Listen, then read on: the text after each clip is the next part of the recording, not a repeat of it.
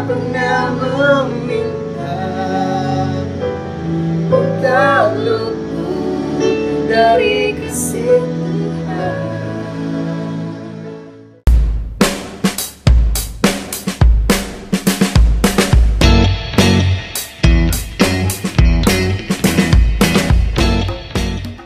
Shalom, selamat malam, Semangat pagi.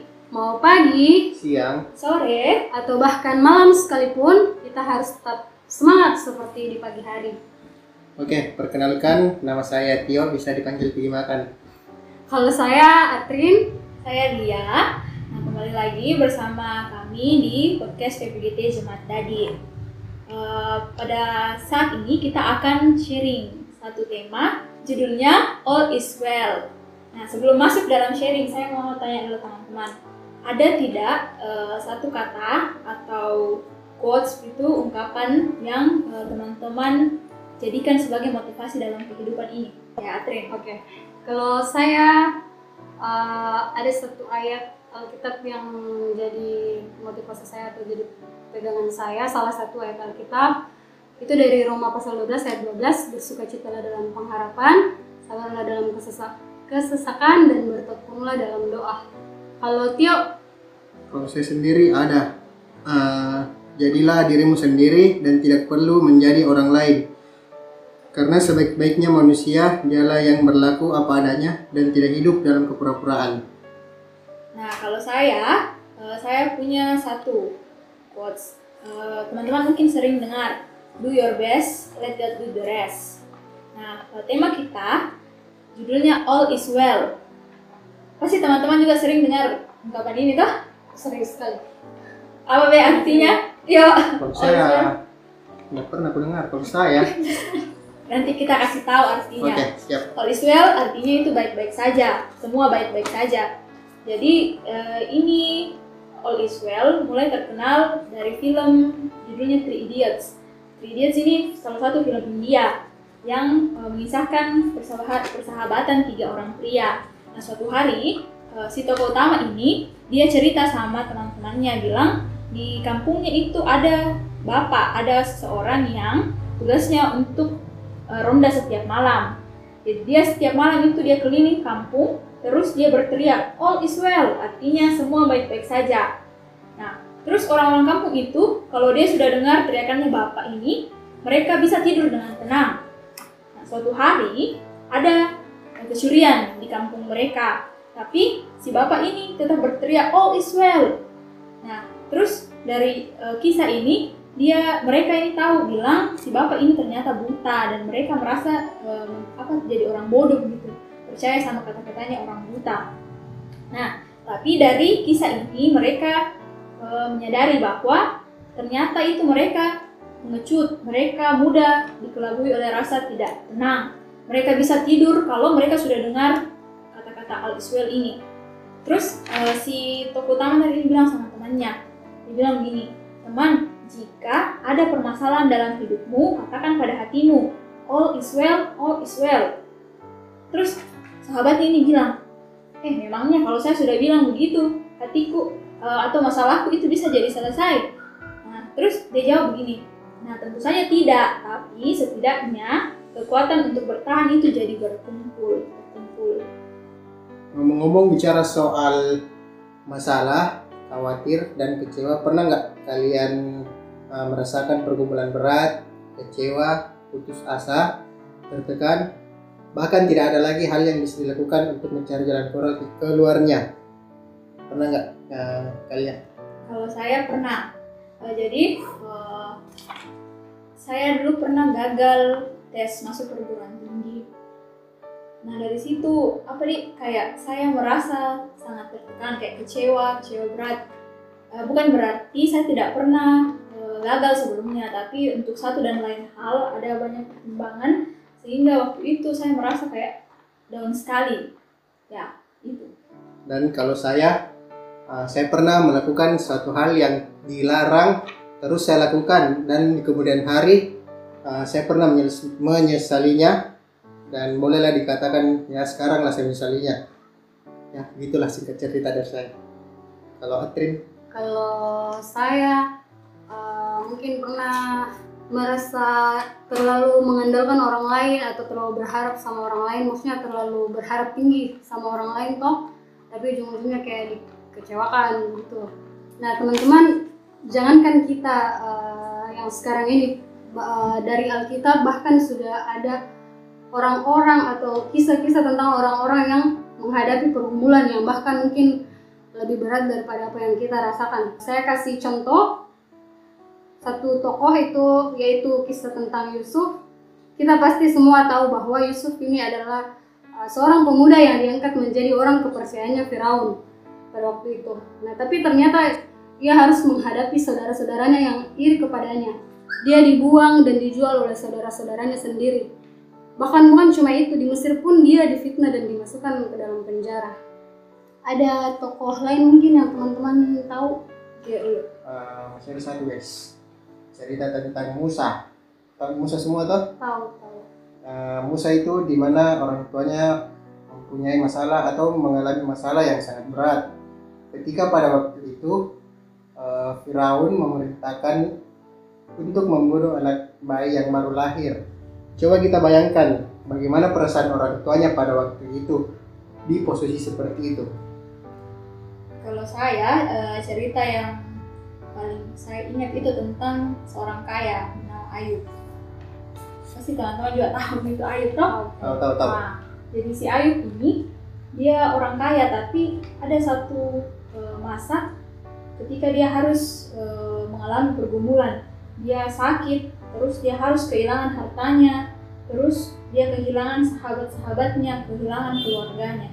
Coba bayangkan bagaimana rasanya ketika dari kaya semua berkelimpahan harta hidupnya enak tiba-tiba dia harus menderita seperti itu.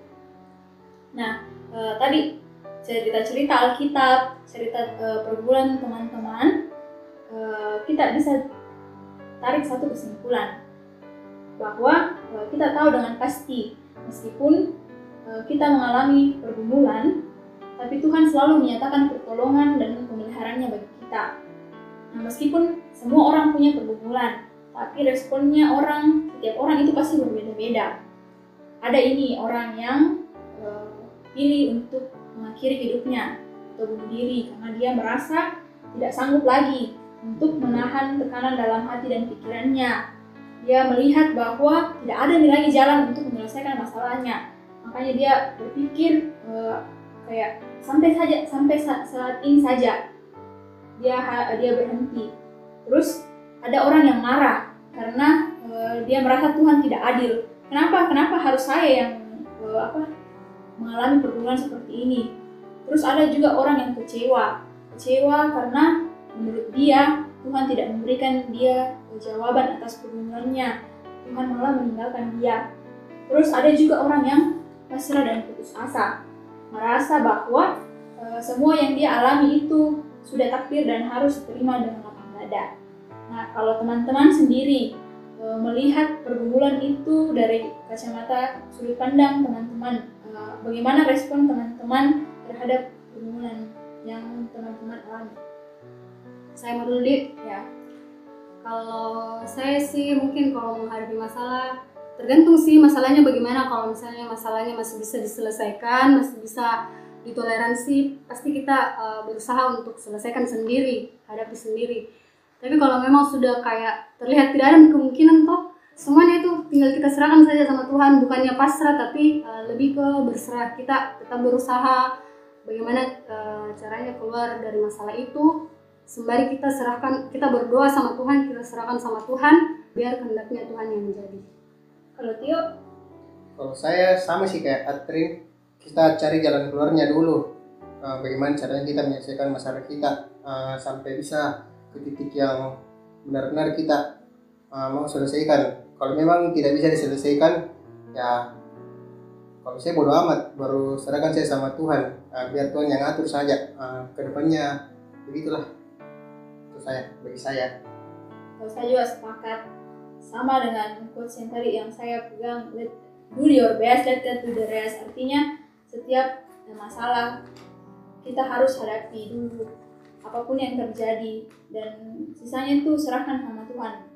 Saya juga sepakat sama Trin. Bukan eh, pasrah tapi berserah sama Tuhan. Apa pun yang terjadi biar Tuhan yang eh, atur. Karena Tuhan punya kendali atas hidup kita Nah, setiap orang pasti berada di satu titik terendah dalam hidupnya.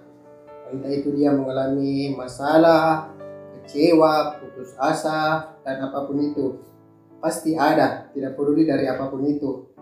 Tapi sebagai orang percaya yang menghadapi semua masalah itu, harus tetap kita berpegang teguh, yaitu pengharapan.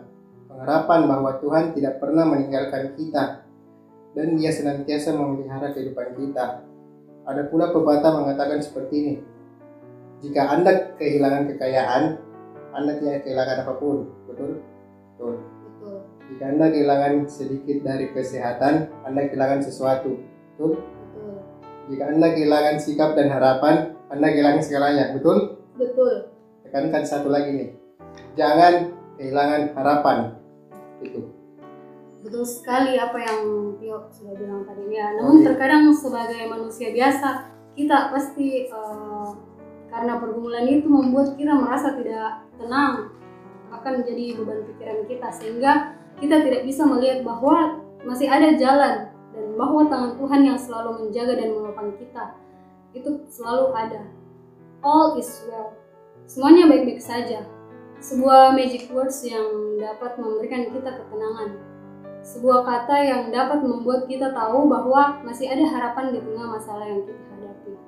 Kita harus ingat bahwa pencobaan yang kita alami tidak lebih besar dari kemampuan kita dan tidak lebih besar dari Tuhan. Tuhan mengizinkan tapi tidak membiarkan.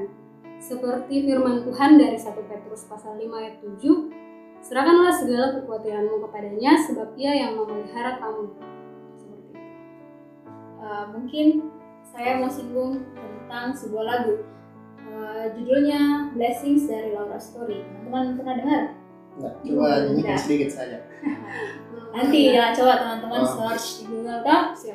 jadi ini eh, judulnya Blessings artinya berkat.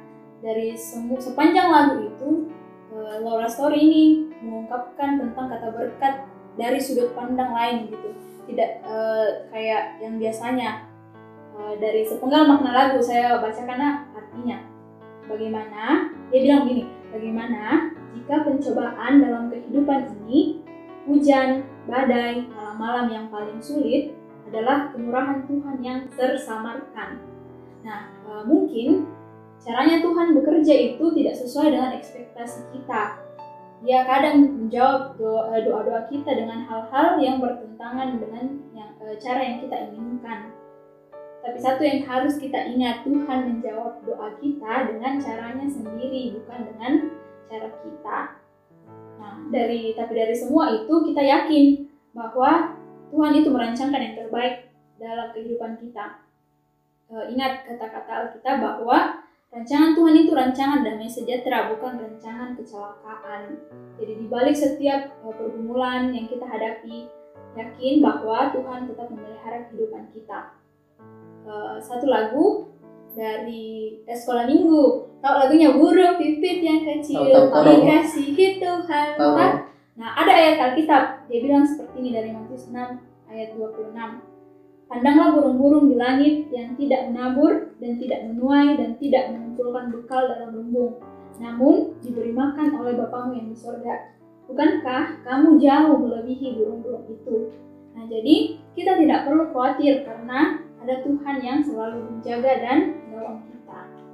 Nah, kalau eh, kita melihat dari situasi kita saat ini, eh, saya mau tanya bagaimana teman-teman menyikapi eh, masalah akhir-akhir ini tentang pandemi COVID-19 yang dalam tanda kutip apa nih kayak mengubah kehidupan kita secara tidak langsung.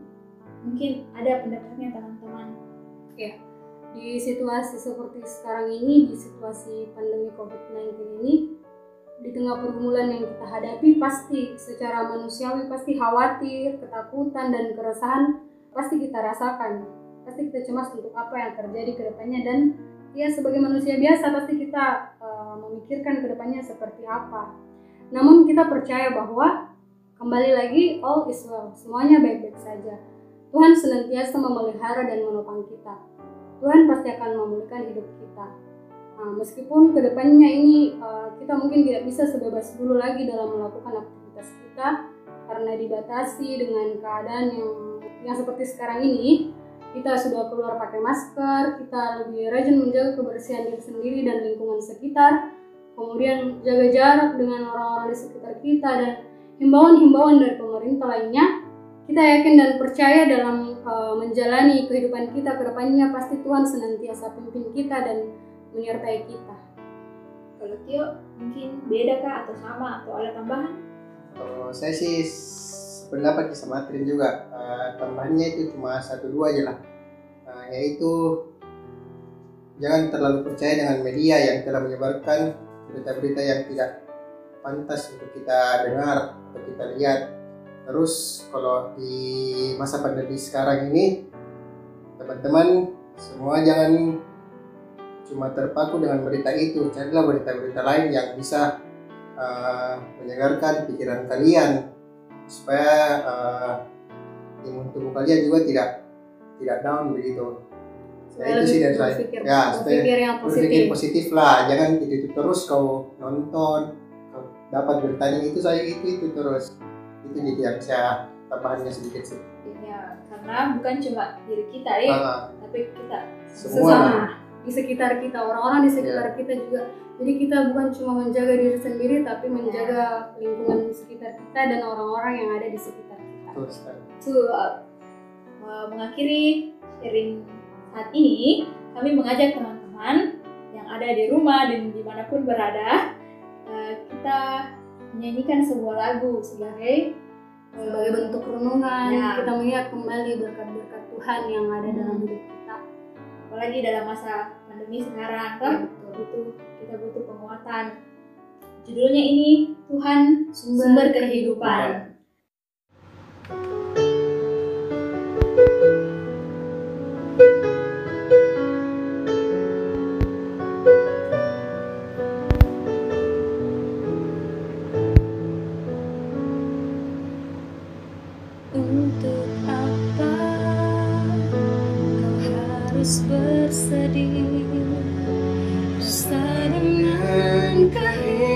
heard in me.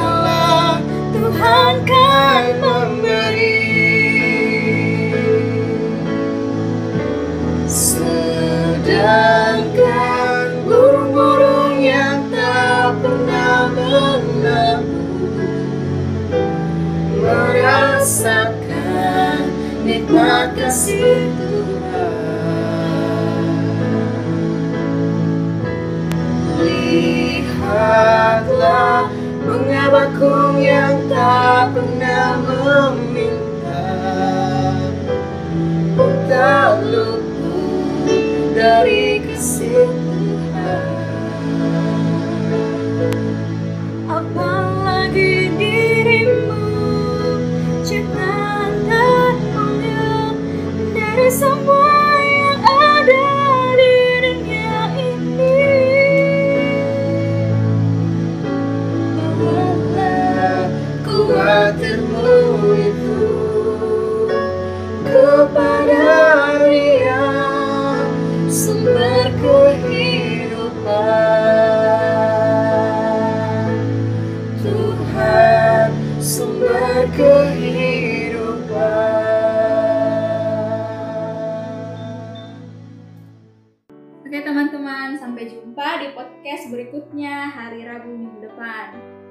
stay safe, stay healthy, di rumah Dan aja, yeay! Woo, woo.